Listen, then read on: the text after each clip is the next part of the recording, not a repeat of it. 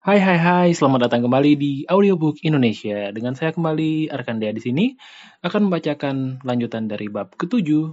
Dan um, seperti biasa mohon maaf kalau uploadnya rada telat karena banyak banget kesibukan saya yang harus saya aku atau saya terserah lah.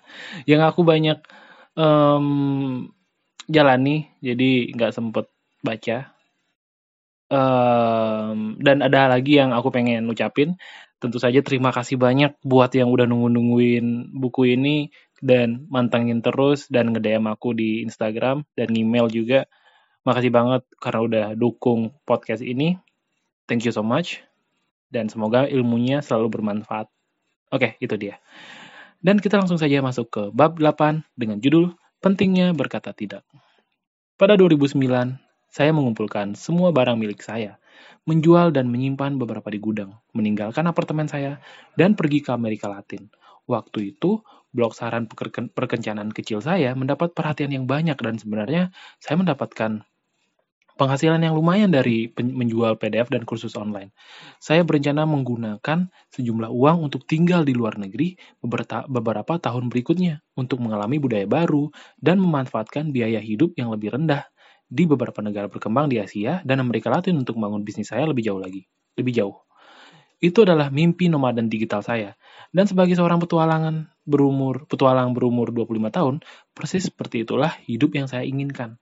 Namun, meski rencana saya kedengarannya seksi dan heroik, tidak semua nilai yang mendorong saya ke kehidupan nomaden ini merupakan nilai-nilai yang sehat.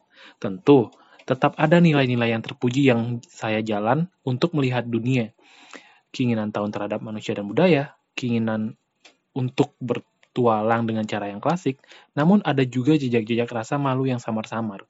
Namun mendasari hal-hal yang saya kerjakan. Pada saat itu, saya hampir tidak menyadarinya. Namun, jika saya harus sepenuhnya jujur pada diri saya, saya tahu ada sebuah nilai yang kacau mengintai di sana.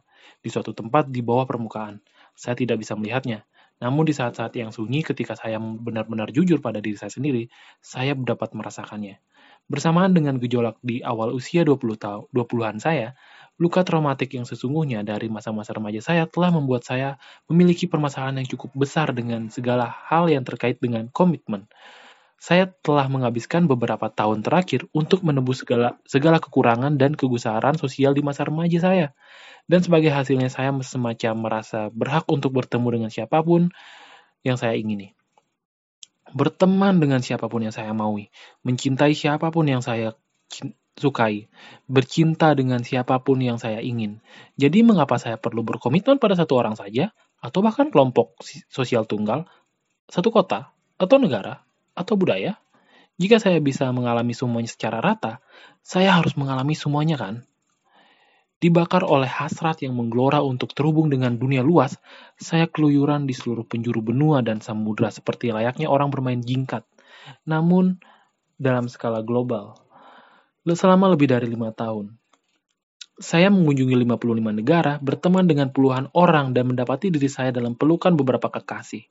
Semuanya dengan cepat tergantikan dan beberapa sisanya langsung terlupakan dalam penerbangan berikutnya ke negara selanjutnya.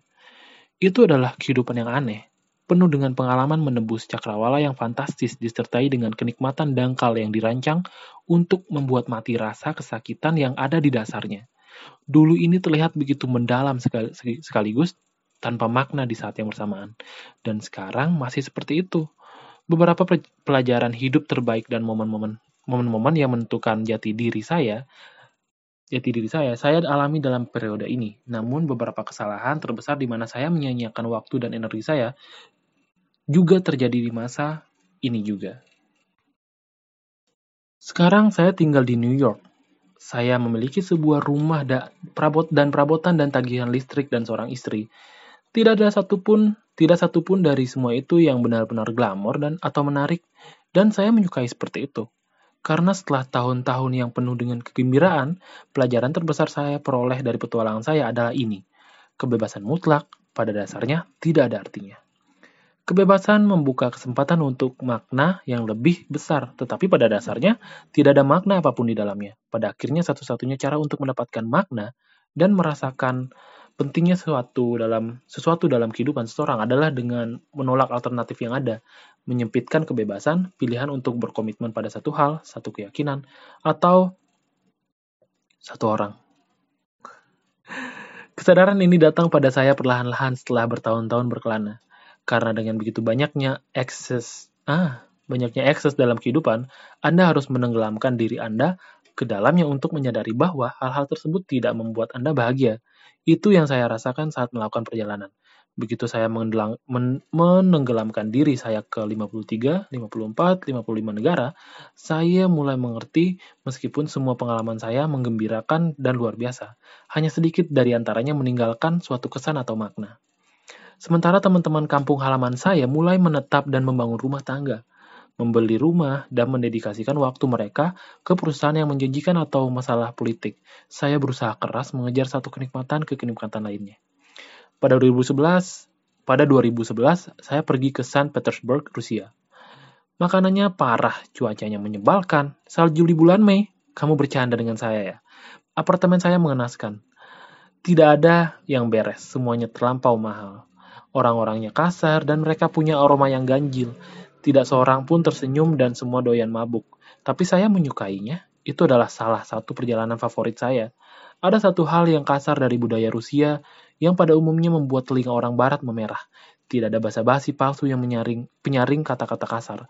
Anda tidak tersenyum kepada orang asing atau berpura-pura menyukai apa pun yang tidak Anda sukai. Di Rusia, jika sesuatu tampak bodoh, Anda katakan bodoh. Jika seseorang brengsek, Anda katakan dia brengsek. Jika Anda sangat menyukai seseorang dan menikmati saat bersamanya, Anda katakan bahwa Anda menyukainya dan menikmati saat bersamanya. Bodoh amat apakah orang ini adalah teman Anda orang asing atau seseorang yang baru saja Anda temui di jalan 5 menit yang lalu. Di minggu pertama saya merasa risih dengan kenyataan ini. Saya ulangi, di minggu pertama saya merasa risih dengan kenyataan ini. Saya mengajak kencan seorang gadis Rusia di sebuah kedai kopi. Dan hanya dalam waktu tiga menit duduk dan berbincang, dia geli dan berkomentar bahwa apa yang baru saja saya katakan itu bodoh. Saya hampir tersedak minuman saya. Tidak ada agresif, tidak ada yang agresif dari caranya menyampaikan hal tersebut. Itu di, diucapkan seperti sebuah fakta biasa, seperti menyampaikan cuaca hari itu atau ukuran sepatunya. Tapi saya tetap saja terkejut. Bagaimanapun juga, di barat ucapan seperti itu, di barat ucapan seperti itu Ucapan semacam itu dianggap sangat kasar, terutama jika keluar dari seorang yang baru saja Anda temui. Namun rupanya ini yang terjadi pada semua orang. Semua orang bersikap kasar seperti ini sepanjang waktu dan akibatnya pikiran barat saya yang yang manja rasanya diserang dari segala sisi. Rasa tidak aman yang sangat mengganggu mulai muncul muncul ke permukaan, didorong situasi-situasi yang tidak pernah ada selama bertahun-tahun. Tetapi minggu-minggu berikutnya saya mulai terbiasa dengan terus terangan orang Rusia, matahari yang terbenar, terbenam di tengah malam dan vodka yang rasanya seperti es. Dan kemudian saya mengalami mulai menghargai apa yang sebenarnya ada. Ungkapan yang jujur, kejujuran dalam kata yang memiliki arti sebenarnya, komunikasi tanpa syarat, tanpa tali kekang, tanpa motif terselubung, bukan karena ada maunya, bukan juga karena ingin disukai. Entah bagaimana, setelah bertahun-tahun berkeliling dunia, ini mungkin tempat tempat yang paling tidak bernuansa Amerika di mana, untuk pertama kalinya, saya mengalami semacam aroma kebebasan. Ke mana pun untuk mengatakan apa pun yang saya pikirkan, untuk atau rasakan, tanpa takut ditolak. Ini adalah sebuah bentuk kebebasan yang aneh dengan cara menerima penolakan. Dan sebagai seorang yang haus akan ungkapan tanpa basa-basi seperti ini sepanjang hidupnya, pertama karena kehidupan keluarga yang ditekan secara emosional, kemudian oleh tampilan percaya diri palsu yang direkayasa secara teliti, saya jadi mabuk. Ya, rasanya seperti habis menenggak vodka terbaik yang pernah ada. Sebulan yang saya habiskan di Saint Petersburg terasa cepat dan rasanya saya tidak ingin meninggalkan kota ini. Berkelana merupakan alat pengembangan diri yang yang fantastis, karena melepaskan diri Anda dari nilai-nilai budaya Anda dan menunjukkan kepada Anda bahwa masyarakat lain dapat hidup dengan nilai yang sangat berbeda dan masih berfungsi dengan baik dan tidak membenci diri mereka sendiri. Pembukaan mata terhadap nilai budaya dan ukuran yang berbeda ini bisa memaksa Anda untuk menguji kembali apa yang apa yang kelihatannya sudah jelas dalam hidup Anda, dan untuk mempertimbangkan apa yang mungkin bukan menjadi cara terbaik untuk hidup. Dalam kasus ini, Rusia telah membuat saya menguji kembali komunikasi omong kosong, manis tapi palsu yang begitu umum di kultur Anglo. Dan bertanya kepada diri saya sendiri, tidaklah hal ini entah bagaimana, justru membuat kita merasa semakin tidak aman berada di antara orang-orang dan makin memperburuk keintiman. Saya ingin, saya ingat membahas dinamika ini dengan guru Rusia saya pada suatu hari, dan dia punya satu teori yang menarik. Karena hidup di bawah komunisme selama beberapa generasi, dengan rendahnya hingga tidak adanya peluang ekonomi, dan dikungkung oleh budaya ketakutan, masyarakat Rusia menemukan bahwa mata uang yang paling bernilai adalah kepercayaan, dan untuk membangun kepercayaan, Anda harus jujur. Artinya ketika hal-hal berubah menjadi buruk, anda mengatakannya dengan terbuka tanpa perlu meminta maaf. Tanpa perlu permintaan maaf. Kejujuran tidak menyenangkan yang ditunjukkan orang Rusia berkaitan dengan fakta sederhana bahwa itu penting untuk bertahan hidup. Anda harus tahu siapa dapat Anda percayai dan siapa yang tidak bisa. Dan Anda harus tahu dengan cepat. Tetapi, di budaya barat yang bebas, guru Rusia yang meneruskan peluang ekonomi begitu melimpah, sangat banyak uh, begitu melimpah sangat banyak sehingga menjadi jauh lebih bernilai untuk menampilkan diri Anda dengan cara tertentu. Bahkan jika itu palsu, ketimbang menjadi apa adanya. Kepercayaan kepercayaan kehilangan nilainya. Kepercayaan kehilangan nilainya. Penampilan dan keahlian dagang menjadi bentuk ekspresi diri yang lebih menguntungkan. Mengenal banyak orang secara dangkal lebih menguntungkan ketimbang mengenal sedikit orang secara dekat. Wow. Inilah Inilah alasannya di budaya barat, tersenyum dan mengatakan hal-hal dengan sopan meskipun Anda tidak menyukainya, berbohong demi kebaikan, dan setuju dengan seseorang yang sebenarnya tidak Anda setujui, menjadi norma. Inilah orang yang sebenarnya tidak mereka sukai, membeli barang yang sebenarnya tidak mereka ingini. Sistem ekonomi mendukung penipuan semacam ini. Sisi buruk dari hal ini adalah Anda tidak akan pernah tahu di dunia barat, apakah Anda bisa sepenuhnya mempercayai orang, seseorang yang Anda ajak bicara? Kadang ini juga berlaku bahkan di antara teman baik anggota keluarga, ada semacam tekanan di barat untuk menjadi orang yang disukai sehingga orang sering mengkonfirma, mengkonfigurasi ulang seluruh keper, kepribadian mereka tergantung pada siapa yang mereka hadapi. Wow, keren banget. Sebab pertama, penolakan membuat hidup Anda lebih baik. Sebagai perpanjangan dari budaya positif atau konsumen, banyak dari antara kita telah diindoktrinasi dengan keyakinan bahwa kita harus men mencoba secara inheren untuk sedapat mungkin menerima dan mengafirmasi sesuatu. Ini yang menjadi batu fondasi berbagai macam buku berpikir positif. Buka diri Anda terhadap peluang yang ada dengan menerima, berkata iya pada setiap hal dan setiap orang dan bla bla bla bla bla. Tetapi kita perlu menolak sesuatu. Jika tidak, kita kehilangan alasan untuk bertahan. Jika tidak ada sesuatu yang lebih baik atau lebih diinginkan daripada yang lain, kita akan merasa hampa dan hidup kita menjadi tanpa makna. Kita hidup tanpa nilai dan akibatnya kita menghidupi kehidupan tanpa tujuan.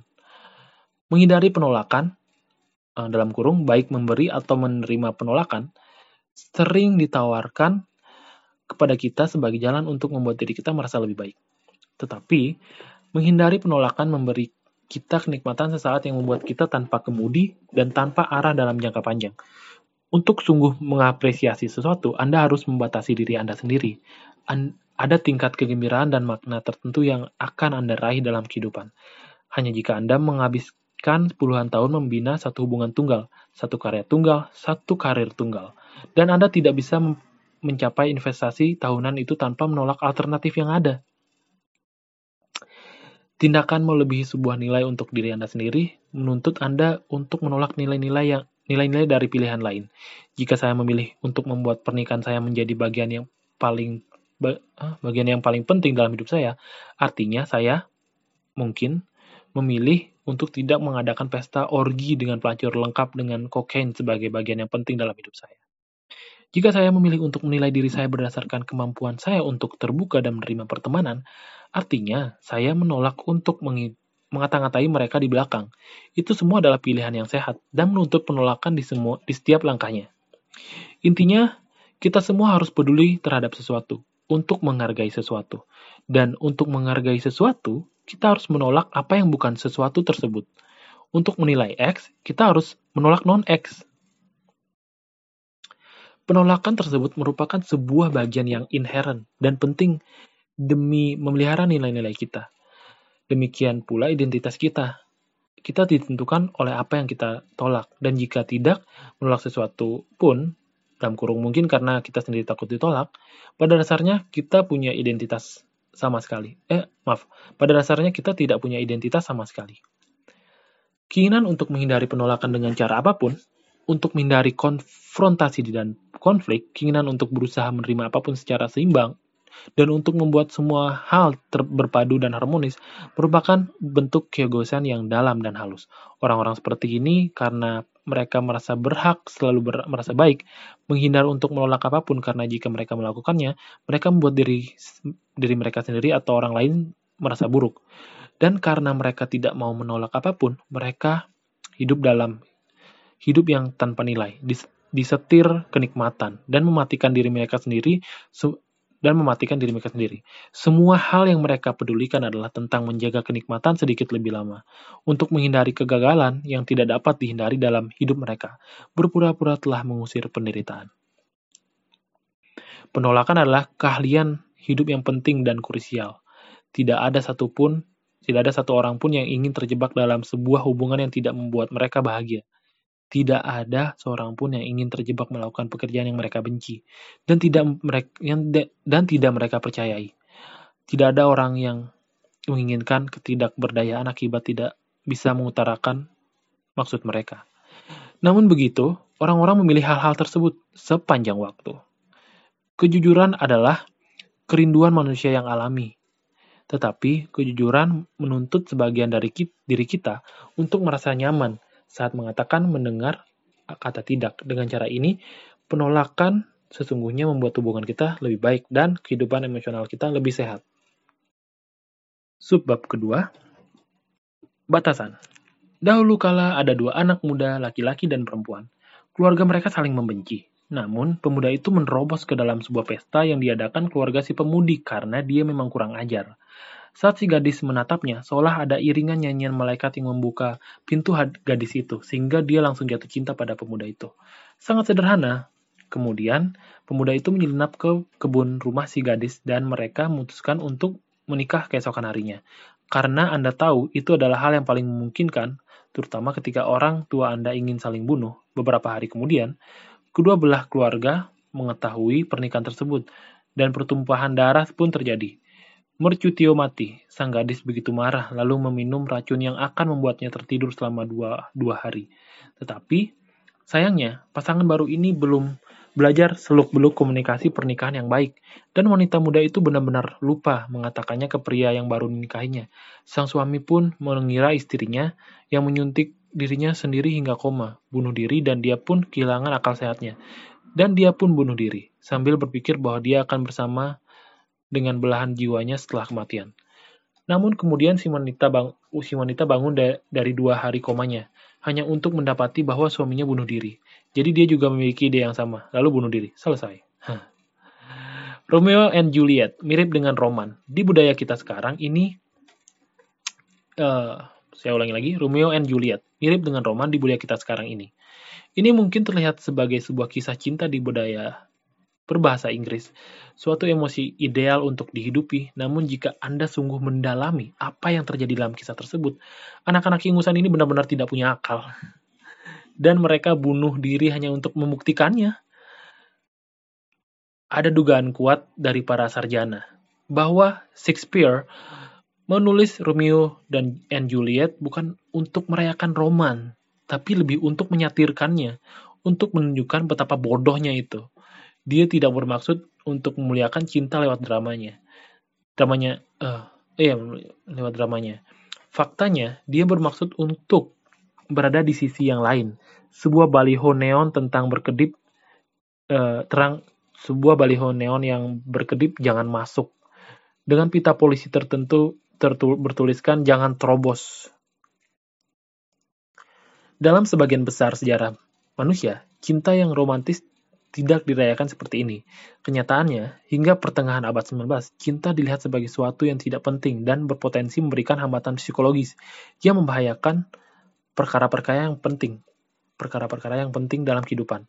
Anda tahu, seperti berkebun dengan baik dan atau menikahi seorang pria yang memiliki banyak domba, orang muda sering dipaksa untuk menghilangkan hasrat romantis mereka demi perkawinan yang secara ekonomis menguntungkan sehingga akan memberi kestabilan baik untuk mereka sendiri dan keluarganya. Tetapi, kita semua tertarik pada cinta gila semacam ini. Ini mendominasi budaya kita, dan semakin dramatis, semakin baik. Entah itu Ben Affleck yang berusaha meledakkan sebuah asteroid yang menyelamatkan bumi demi gadis yang dicintainya, atau Mel Gibson yang membunuh ratusan orang Inggris dan membayangkan istrinya diperkosa dan dibunuh saat dia sendiri disiksa hingga mati, atau Elven yang menyerahkan keabadiannya agar bisa bersatu dengan Aragorn dalam Lord of the Rings. Atau komedi romantis bodoh di mana Jimmy Fallon memberikan tiket babak penyisian Red Sox-nya karena Drew, Barrymore seperti membutuhkannya atau semacamnya. Jika cinta romantis ibarat kokain, budaya kita akan meniru adegan heroik dan, dan konyol yang dilakoni, dilakoni Tony Montana dalam Scarface sambil memendamkan waj memendamkan wajah tumpukan kokain yang menggunung itu, ia memberondongkan peluru sambil berkata, katakan hello pada teman kecil saya. Masalahnya adalah kita tahu bahwa cinta romantis memang mirip kokain, menakutkan seperti kokain, merangsang bagian otak yang sama seperti kokain, memberi Anda kenikmatan dan membuat Anda merasa tenang sementara. Tapi itu juga meninggalkan banyak masalah untuk diselesaikan, seperti kokain. Sebagian besar elemen cinta romantis yang kita kejar, tampilan kemesraan yang dramatis sekaligus emosional, penuh dengan momen naik turun bahkan jungkir balik, bukanlah tampilan cinta yang sehat dan asli. Kenyataannya, cinta tersebut sering kali hanyalah untuk bentuk lain dari keegoisan, keegoisan yang sedang disandiwarakan dalam hubungan antar manusia. Saya tahu, itu membuat saya terdengar seperti seorang yang tertekan, sungguh. Omong kosong kalau ada yang mencemooh cinta romantis. Tapi cobalah perhatikan dulu. Kenyataannya adalah ada bentuk cinta yang sehat dan yang tidak sehat. Cinta yang tidak sehat berdasar pada dua orang yang berusaha lari dari masalah mereka melalui emosi yang saling mereka berikan. Dengan kata lain, mereka menggunakan pasangannya sebagai sebuah jalan keluar. Cinta yang sehat berdasar pada dua orang yang mengakui dan menghadapi masalah mereka sendiri dengan dukungan pasangannya. Perbedaan antara sebuah hubungan yang sehat dan tidak sehat mengerucut pada dua hal. Satu, seberapa baik setiap orang dalam hubungan tersebut menerima tanggung jawab, dan dua, kesediaan dari setiap orang untuk baik menolak maupun ditolak pasangannya. Di setiap hubungan yang tidak sehat atau beracun akan muncul tanggung jawab yang buruk dan keropos di kedua belah pihak dan akan ada satu ketidakmampuan untuk mengutarakan dan atau menerima penolakan. Di setiap hubungan yang sehat dan saling mencintai, akan muncul batasan yang jelas antara dua orang tersebut serta nilai-nilai mereka. Dan di situ akan ada satu tempat terbuka untuk memberi dan menerima penolakan ketika ketika dibutuhkan. Yang saya maksud dengan batasan adalah pengaturan yang tegas tentang tanggung jawab dua orang tersebut atas masalah mereka masing-masing. Orang-orang dalam hubungan yang sehat dengan batasan yang kuat akan mengambil tanggung jawab atas nilai dan masalah mereka sendiri, dan tidak akan mengambil tanggung jawab atas nilai dan masalah pasangan mereka. Orang-orang dalam hubungan yang beracun, dengan batasan yang buruk, atau bahkan tidak memiliki batasan sama sekali, akan terus-menerus menghindar tanggung jawab atas masalah mereka sendiri, dan atau mengambil tanggung jawab atas masalah pasangan mereka. Siapa apa batasan yang buruk itu? Eh, sorry. Seperti apa batasan yang buruk itu? Berikut ini beberapa contoh. Kamu tidak boleh pergi dengan teman-temanmu tanpa aku. Kamu tahu kan aku pencemburu. Kamu harus tetap di rumah menemaniku. Teman kantorku bodohnya minta ampun. Mereka selalu membuatku terlambat, rapat karena aku harus memberitahu hmm, memberitahu dulu bagaimana cara mengerjakan pekerjaan mereka. Aku tidak percaya kamu membuatku kehilangan kelihatan sangat bodoh di depan saudari saudariku sendiri. Jangan pernah membantah saya di depannya lagi. Sebenarnya aku mau menerima pekerjaan di Melkwe itu, tapi ibuku tidak akan pernah memaafkanku kalau aku pindah jauh darinya. Aku bisa berkencan denganmu, tapi bisakah jangan bilang temanku Cindy? Dia akan merasa tidak nyaman kalau aku punya pacar dan dia tidak. Dalam setiap skenario, digambarkan kalau seseorang entah bertanggung jawab atau atas masalah emosi yang bukan milik mereka, atau menuntut orang lain untuk bertanggung jawab atas masalah masalah emosi mereka sendiri. Nah, saya ulangi lagi paragrafnya. Dalam setiap skenario, digambarkan kalau seseorang entah bertanggung jawab atas masalah atau emosi yang bukan milik mereka, atau menuntut orang menuntut orang lain untuk bertanggung jawab atas masalah atau emosi mereka. Secara umum, orang-orang yang merasa dirinya harus diistimewakan jatuh ke salah satu jebakan dalam hubungan mereka. Entah mereka mengharapkan orang lain mengambil tanggung jawab atas masalah mereka, aku ingin akhir pekan yang santai dan nyaman di rumah, kamu harus tahu itu dan membatalkan rencanamu. Atau mereka mengambil terlalu banyak tanggung jawab dari permasalahan orang lain. Dia baru saja kehilangan pekerjaannya lagi, tapi mungkin ini kesalahanku, karena aku tidak mendukungnya sebagaimana mestinya, aku akan membantunya menulis kembali lamarannya besok. Orang-orang yang merasa dirinya harus diistimewakan itu mengadopsi strategi, strategi macam ini dalam hubungan mereka dan juga diterapkan dalam setiap saat untuk menghindari tanggung jawab atas masalah mereka sendiri. Akibatnya, um, hubungan mereka menjadi jauh, menjadi rapuh dan palsu. Sebab itulah yang akan mereka dapatkan jika terus memilih menghindari rasa sakit dalam diri mereka, ketimbang memberikan apresiasi dan penghormatan yang asli terhadap pasangan mereka. Ini tidak hanya berlaku untuk hubungan yang romantis, omong-omong, tapi juga untuk hubungan keluarga dan persahabatan. Seorang ibu yang dominan mungkin mengambil tanggung jawab atas semua masalah yang terjadi dalam kehidupan anak-anaknya. Keistimewaan ini kemudian menurun, menurun pada anak-anaknya, sehingga ketidak dewasa mereka yang yakin kalau orang lain harus selalu bertanggung jawab atas masalah mereka. Inilah mengapa masalah dalam hubungan romantis Anda anehnya selalu sangat mirip dengan masalah yang menimpa orang tua Anda dulu. Ketika tanggung jawab atas emosi-emosi dan tindakan-tindakan kalian diatur dalam sebuah area gelap, area yang tidak jelas siapa bertanggung jawab untuk apa, siapa yang berbuat kesalahan apa, mengapa Anda melakukan apa yang Anda lakukan, kalian tidak akan pernah mengambil nilai yang kuat untuk diri kalian sendiri. Akibatnya, satu-satunya nilai Anda menjadi membuat pasangan Anda bahagia. Wow, ada atau satu-satunya nilai Anda menjadi membuat pasangan Anda membahagiakan Anda. Wow. Tentu saja ini melawan melawan diri Anda sendiri dan hubungan yang di, dicirikan dengan adanya area gelap ini biasanya akan berjalan seperti Hindenburg dengan segenap drama dan kembang api. Orang-orang tidak bisa menyelesaikan masalah Anda, dan sebaiknya mereka tidak mencobanya, karena itu tidak akan membuat Anda bahagia. Anda tidak bisa menyelesaikan masalah orang lain juga, karena itu tidak akan membuat mereka bahagia. Tanda dari sebuah hubungan yang tidak sehat adalah dua orang yang mencoba mencahkan masalah orang lain agar diri mereka sendiri merasa baik. Sebaliknya, suatu hubungan dikatakan sehat ketika dua orang memecahkan masalah mereka sendiri agar keduanya merasa baik. Wow, gila. Perancangan batasan yang jelas ini tidak berarti bahwa Anda tidak bisa menolong atau mendukung pasangan Anda atau dibantu dan didukung olehnya. Anda berdua harus saling mendukung. Tetapi hanya karena Anda memilih untuk mendukung atau didukung, kar bukan karena Anda merasa itu kewajiban Anda atau keistimewaan Anda. Orang-orang yang sok istimewa gemar menyalahkan orang lain atas emosi yang tin dan tindakan mereka sendiri. Karena mereka yakin bahwa jika Anda secara konstan menampilkan diri mereka uh, diri mereka sebagai korban, pada akhirnya seseorang akan datang dan menyelamatkan mereka, dan mereka akan menerima cinta yang selalu mereka dambakan. Orang-orang yang sok istimewa gemar menyediakan diri secara sukarela untuk disalahkan atas emosi dan tindakan yang tindakan orang lain karena mereka percaya bahwa jika mereka memperbaiki pasangan mereka dan menyelamatkannya, mereka menerima cinta dan apresiasi yang selama ini mereka dambakan. Ini adalah yin, yin dan yang dari hubungan beracun apa pun, sang korban dan sang penyelamat. Seseorang yang memantik api demi membuatnya merasa penting, dan seseorang memadamkan api karena itu pun membuatnya merasa penting. Dua, dua jenis orang ini saling tarik-menarik dengan kuat, dan biasanya mereka akan bersama bersama pada akhirnya.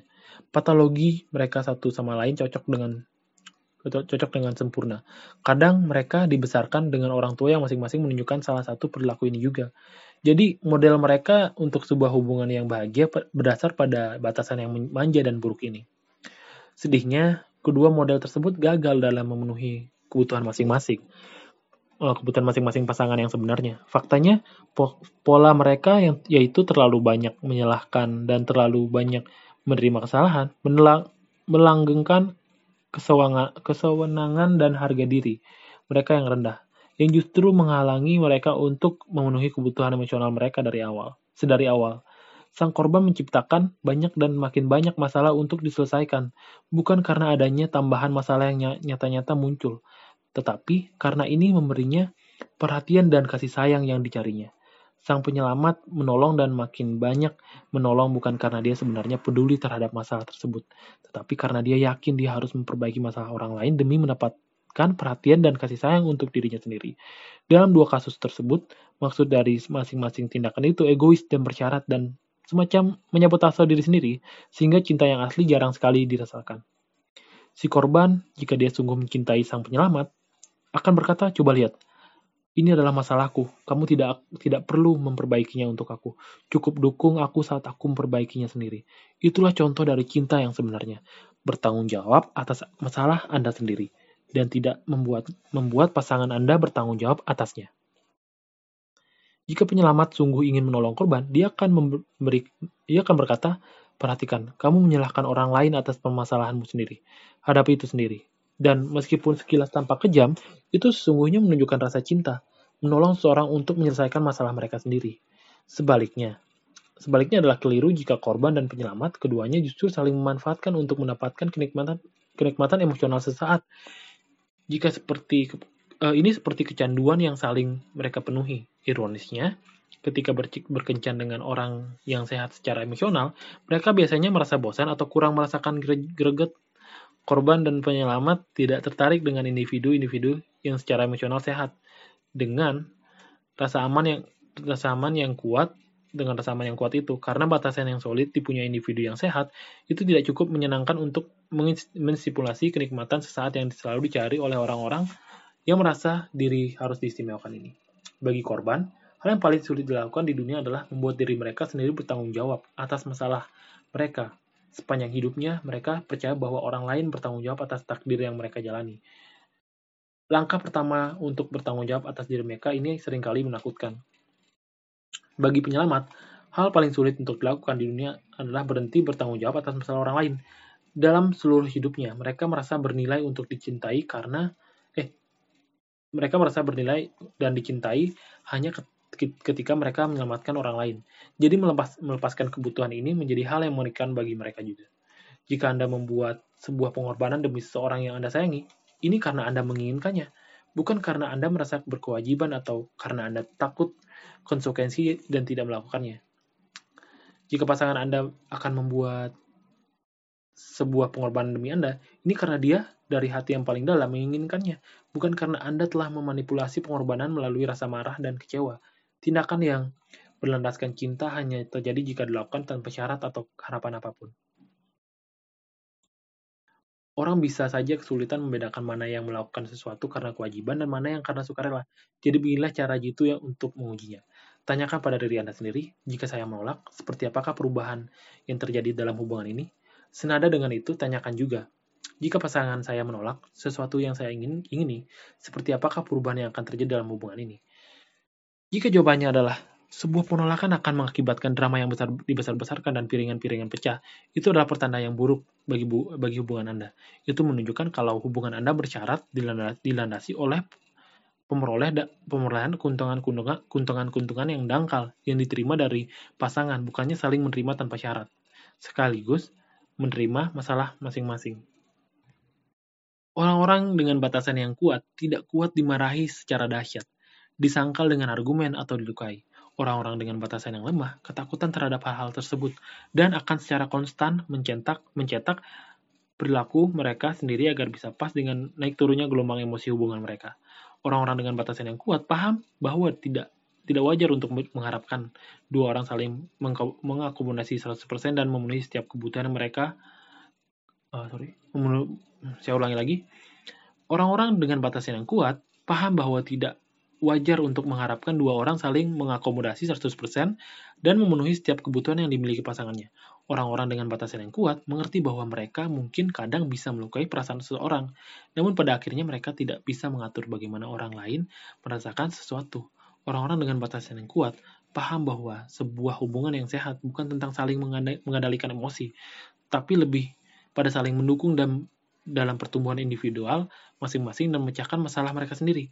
Ini bukan tentang peduli tentang tentang apa pun yang dipedulikan pasangan Anda. Ini tentang memedulikan pasangan Anda tanpa peduli apa yang diberikannya.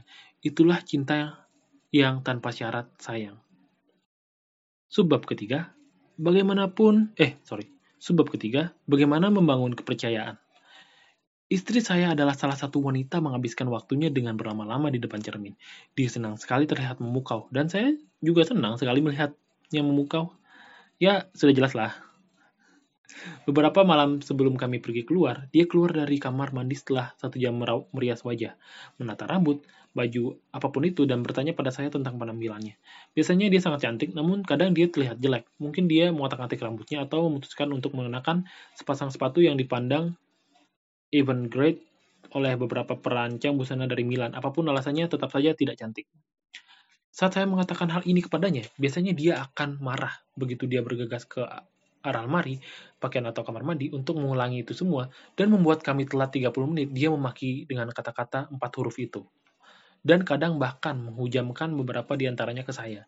Lelaki secara umum akan berbohong dalam situasi ini untuk membuat kekasih atau istri mereka gembira. Tetapi saya tidak. Mengapa? Karena kejujuran dalam hubungan saya lebih penting daripada hanya selalu merasa senang. Orang terakhir yang harus tahu semuanya adalah wanita yang saya cintai. Untungnya, saya menikah seorang yang setuju dan bersedia mendengar pikiran-pikiran saya tanpa disensor. Dia menghad, menghad, ah, dia menghad, menghardik omong kosong saya. Tentu saja, saya menjadi salah satu salah satu perlakukan ah apa sih yang menjadi ah, saya ulangi lagi paragrafnya Untungnya, saya menikahi seorang wanita yang setuju dan bersedia mendengar pikiran-pikiran saya tanpa disensor.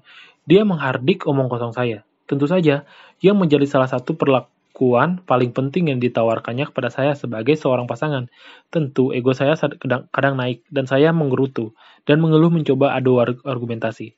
Namun, beberapa jam kemudian saya merajuk dan mengakui bahwa dialah yang benar. Dan demi Tuhan, dia membuat saya menjadi orang yang lebih baik, bahkan meskipun saya benci mendengarnya saat itu.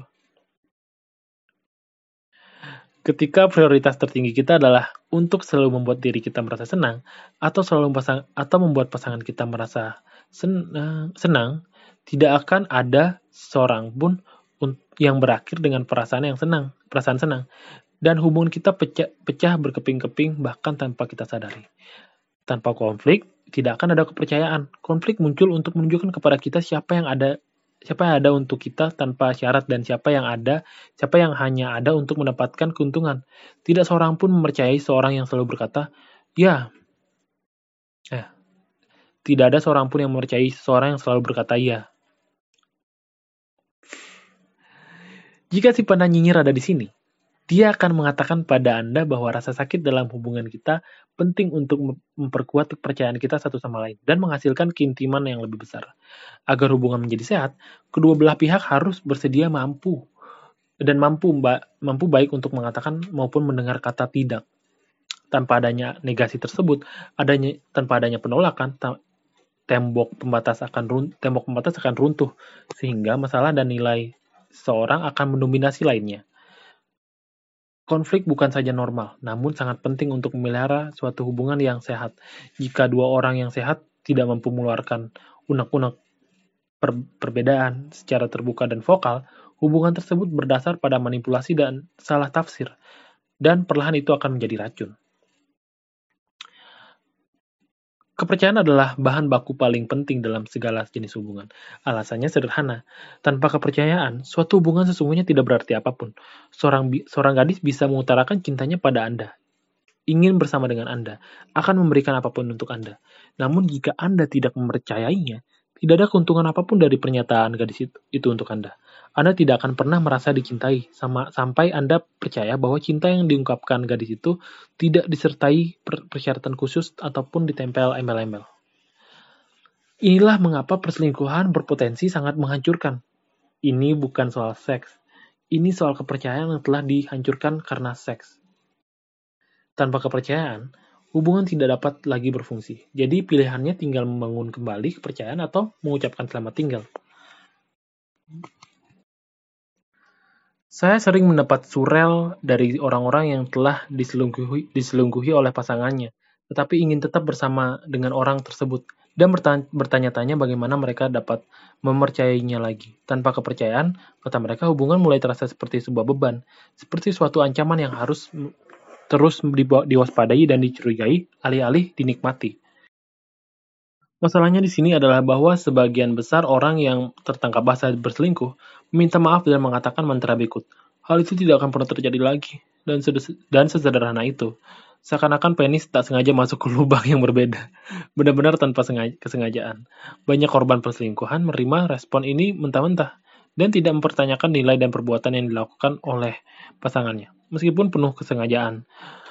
Mereka tidak bertanggung jawab... Ber, mereka tidak bertanya pada diri mereka sendiri apakah nilai dan perbuatan tersebut menjadikan pasangan mereka orang yang baik untuk diajak hidup bersama. Mereka begitu fokus untuk mempertahankan hubungan mereka sendiri, hubungan mereka sehingga mereka gagal untuk menyadari bahwa ini menjadi lubang hitam yang menelan harga diri mereka. Perselingkuhan disebabkan oleh adanya sesuatu yang lebih penting ketimbang hubungan yang mereka miliki. Bisa saja kekuasaan terhadap pasangan lain, mungkin pembuktian diri lewat seks, atau memuaskan syahwat mereka sendiri. Apa pun itu jelas bahwa nilai yang dimiliki oleh orang yang selingkuh itu tidak sejalan dengan cita-cita demi sebuah hubungan yang sehat. Dan jika dia tidak mengakui hal ini atau mencapai kesepakatan, jika dia hanya memberikan tanggapan klasik, aku tidak tahu apa yang aku pikirkan, aku stres dan aku dan mabuk. Dan dia kebetulan ada di sana, artinya dia kehilangan kesadaran diri yang akut untuk menyelesaikan masalah-masalah apa pun yang apa pun dalam hubungannya kelak. Apa pun yang perlu dilakukan adalah bahwa, bahwa orang-orang yang berselingkuh itu harus mulai mengupas lapisan bawang kesadaran diri mereka dan mencari tahu nilai-nilai buruk yang mereka yang mengakibatkan mereka mengingkari kepercayaan dalam hubungan mereka dan apakah sesungguhnya mereka masih menghargai hubungan tersebut. Mereka harus mampu berkata, "Kamu tid kamu tahu, aku egois. Aku mentingkan diriku sendiri lebih dari hubungan kita." Jujur, aku tidak menghargai hubungan ini sama sekali. Jika pelaku perselingkuhan tidak bisa mengungkapkan nilai-nilai mereka yang buruk dan menunjukkan kalau nilai-nilai tersebut sudah tidak di, sudah tidak diindahkan, diindahkan, tidak ada alasan lagi untuk percaya bahwa mereka bisa dipercaya. Dan jika mereka tidak bisa dipercaya, hubungan tersebut tidak akan bertambah baik atau berubah. Faktor lain untuk mendapatkan kembali kepercayaan setelah hancur sangatlah gampang. Rekam jejak. Jika seseorang mengkhianati kepercayaan Anda, janji-janjinya memang ter, janji-janjinya memang terdengar manis. Namun kemudian Anda perlu juga mengikuti perubahan perilakunya dalam rekam jejak yang konsisten. Hanya dengan ini Anda dapat mulai mempercayai bahwa nilai-nilai dari pasangan Anda yang yang selingkuh sekarang mulai selaras dan orang itu sungguh akan berubah. Sayangnya, untuk bisa membangun suatu rekam jejak, kepercayaan diperlukan waktu tentu akan dibutuhkan waktu yang lebih lama dibandingkan merusak kepercayaan tersebut. Dan selama periode membangun kepercayaan itu, hal-hal tampak agak kacau. Jadi, kedua orang dalam hubungan tersebut harus menyadari perjuangan yang mereka pilih untuk dijalani. Saya membangun, saya menggunakan contoh perselingkuhan dalam sebuah hubungan romantis, namun proses ini berlaku untuk semua permasalahan, dalam sebuah hubungan. Ketika kepercayaan dihancurkan, ini dapat dibangun kembali hanya jika terjadi dua hal berikut. Satu, penghancuran kepercayaan mengaku, penghancur kepercayaan mengaku mengakui bahwa ada beberapa nilai yang mengakibatkannya han, mengakibatkan hancurnya suatu kepercayaan dan itu adalah nilai-nilai yang mereka miliki. Dan dua, penghancur kepercayaan membangun sebuah sebuah rekam jejak yang solid dan perilaku menjadi yang lebih baik dari waktu uh, dan perilaku yang menjadi semakin baik dari waktu ke waktu. Tanpa langkah yang pertama, tidak akan ada upaya untuk perdamaian juga. Kepercayaan seumpama piring atau terkot kepercayaan seumpama piring atau terkota Cina. Sekali Anda merusaknya, dengan perhatian dan kasih sayang, Anda dapat menyatukan pecahan-pecahannya kembali. Tetapi begitu Anda memecah, merusaknya untuk kedua kali, kepikirannya akan menjadi lebih banyak untuk membutuhkan waktu yang lebih jauh jauh lebih lama untuk menyatukan pecahan-pecahan itu kembali. Jika Anda memecahkannya lagi dan lagi, pada akhirnya barang itu akan remuk hingga tidak mungkin lagi dipulihkan seperti sedia kala. Ada banyak ada terlalu banyak kepingan yang terlalu utuh dan terlalu banyak serpihan. Subbab keempat, kebebasan melalui komitmen. Budaya konsumtif sangat lihat dalam membuat kita menginginkan lebih, lebih, dan lebih, dan lebih. Di bagian dasar dari semua sensasi dan pemasaran itu, terdapat implikasi bahwa semakin banyak selalu berarti semakin baik. Saya meyakini ide ini bertahun-tahun, menghasilkan lebih banyak uang, berkunjung ke lebih banyak negara, memiliki lebih banyak pengalaman bersama dengan lebih banyak wanita, tetapi lebih banyak tidak selalu lebih baik. Faktanya, justru kebalikannya yang benar. Sesungguhnya kita sering merasa lebih bahagia dalam situasi berkekurangan. Ketika kita diberi muatan peluang dan pilihan yang terlampau banyak, kita menderita kita menderita apa yang disebut ahli psikologi sebagai paradoks pilihan. Intinya, semakin banyak pilihan yang diberikan, kita akan menjadi semakin kurang puas atas apa pun yang kita pilih. Karena kita sadar akan semua pilihan yang lain mungkin sekali kita dikorban karena kita sadar akan semua pilihan lain yang mungkin sekali kita korbankan. Jika kita jika ah, jadi jika Anda memilih memiliki pilihan dua tempat untuk ditinggali dan harus memilih salah satu, Sepertinya Anda akan merasa nyaman dan, dan percaya Anda telah membuat pilihan yang tepat. Anda akan merasa puas dengan keputusan Anda. Namun jika Anda memiliki pilihan 28 tempat untuk ditinggali dan harus memilih satu, paradoks pilihan mengatakan bahwa Anda sepertinya akan melalui melalui waktu bertahun-tahun menyakiti diri sendiri, meragukan diri sendiri, dan mempertanyakan diri sendiri. Pertanyaannya apakah Anda sesungguhnya telah membuat pilihan yang tepat? Dan apakah Anda sungguh telah memilih kebahagiaan yang paling maksimal? Kecemasan ini hasrat mendapatkan kepastian dan kesempurnaan serta kesuksesan akan membuat Anda tidak bahagia. Jadi apa yang kita lakukan? Jadi, jika Anda seperti saya dulu, Anda menghindar untuk memilih apa pun, Anda berusaha agar pilihan-pilihan Anda tetap terbuka selama mungkin. Anda menghindari komitmen. Di sisi lain, membaktikan diri secara mendalam terhadap satu orang, satu tempat, satu pekerjaan, satu kegiatan saja mungkin akan menghalangi kita dari banyak sekali pengalaman yang kita ingin yang ingin kita cicipi. Namun mengejar pengalaman sebanyak-banyaknya justru akan menghalangi kita dari kesempatan untuk mengalami nikmatnya kedalaman suatu pengalaman. Ada beberapa pengalaman yang hanya bisa Anda rasakan jika Anda telah tinggal di tempat yang sama selama lima tahun. Ketika Anda hidup dengan orang sama selama satu dekade. Saat Anda telah bekerja sama dengan keahlian atau keterampilan yang sama separuh hidup Anda. Sekarang saya di, di usia menginjak 30 tahun, 30-an, yang mana akhirnya saya mendapat yang dapat mengenali komitmen tersebut dengan caranya sendiri, menawarkan kepada Anda sebuah kesempatan yang kaya dan pengalaman yang tidak pernah ada di masa saya, di mana pun saya berada dan apa pun yang saya lakukan. Jika Anda mengejar sensasi dan pengalaman yang begitu luas, setiap pengalaman yang baru, setiap setiap orang baru, barang bar, barang yang baru akan berkurang kesannya. Ketika Anda tidak pernah meninggalkan tanah air Anda, negara pertama yang Anda kunjungi akan menginspirasi perubahan perspektif secara besar-besaran, karena Anda memiliki suatu dasar pengalaman yang sempit saat memulainya. Namun, ketika telah berpergian 20 negara, eh, negara ke-21 akan terasa kurang berkesan, dan ketika Anda berkunjung ke negara ke-50, yang ke-51 akan semakin kurang berkesan. Hal yang sama Berlaku juga untuk kepemilikan materi, uang, hobi, pekerjaan, teman, dan pasangan, romantis atau seksual. Semua nilai dangkal yang payah banyak uh, dipilih orang-orang untuk diri mereka sendiri, semakin umur Anda bertambah, semakin banyak pengalaman yang Anda dapatkan, semakin Anda berpengalaman, semakin berkurang secara signifikan. Uh, saya ulangi lagi paragrafnya. Hal yang sama berlaku juga untuk kepemilikan materi, uang, hobi, pekerjaan, teman, dan pasangan romantis atau seksual. Semua nilai dangkal yang payah yang banyak dipilih orang-orang untuk diri mereka sendiri. Semakin umur Anda bertambah, semakin banyak pengalaman yang Anda dapatkan, semakin Anda berpengalaman, semakin berkurang secara signifikan pengaruh pengalaman baru terhadap diri Anda.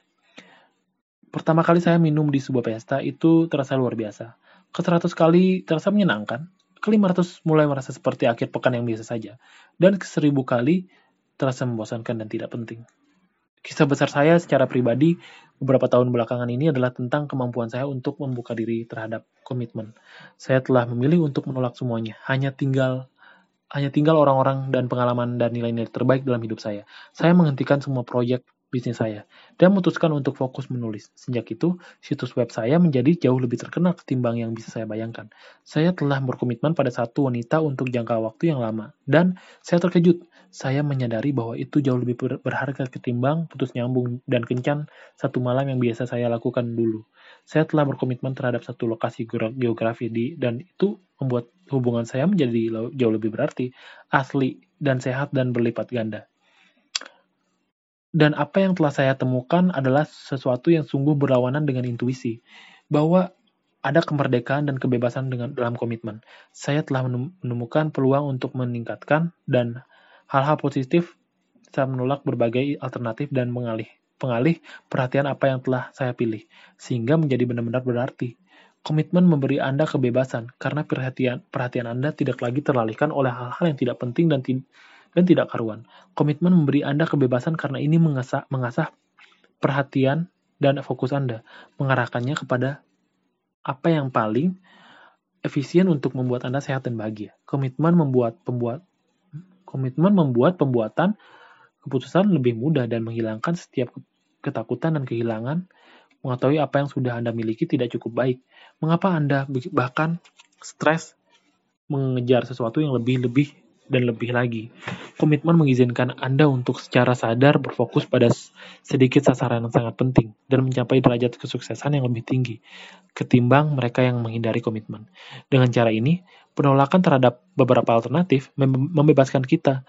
Penolakan terhadap hal-hal yang tidak selaras dengan nilai yang kita paling penting dengan ukuran yang kita pilih, penolakan terhadap pengejaran yang konstan terhadap luasnya pengalaman dan bukan dalam bukan dalamnya pengalaman. Ya, keluasan pengalaman sepertinya penting dan diinginkan ketika Anda masih muda. Karena itu, Anda harus keluar sana dan menemukan apa yang tampaknya layak untuk dicapai. Namun, kedalaman pengalaman adalah letak emas terkubur dan Anda harus tetap berkomitmen terhadap sesuatu dan terus menggalinya. Itulah hubungan yang sejati dalam karir, dalam membangun gaya hidup yang luar biasa, dalam apa pun juga. Oke, itu dia.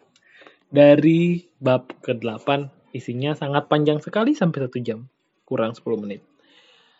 Seperti biasa, terima kasih banyak karena sudah mendengarkan sampai menit ini. Saya yakin uh, banyak dari kalian yang merasa merasa apa? merasa buku ini sangat-sangat bermanfaat dan sangat terima kasih terima kasih sekali karena saya tidak expect banget, tidak menyangka kalau um, cara membaca saya sangat baik sampai-sampai ditunggu-tunggu bukunya. Terima kasih banyak karena sudah mengikuti sampai bab 8. Kita ketemu lagi di bab 9 um, yaitu bab terakhir dan untuk um, bocoran saja next buku enggak sih. Nanti kalian lihat saja update-nya apa. Oke, itu saja dari saya untuk malam hari ini. Memaaf kalau misalnya audionya tidak um, kualitasnya terlalu bagus atau bising dan segala macamnya. Mohon maaf karena uh, alat seadanya doang.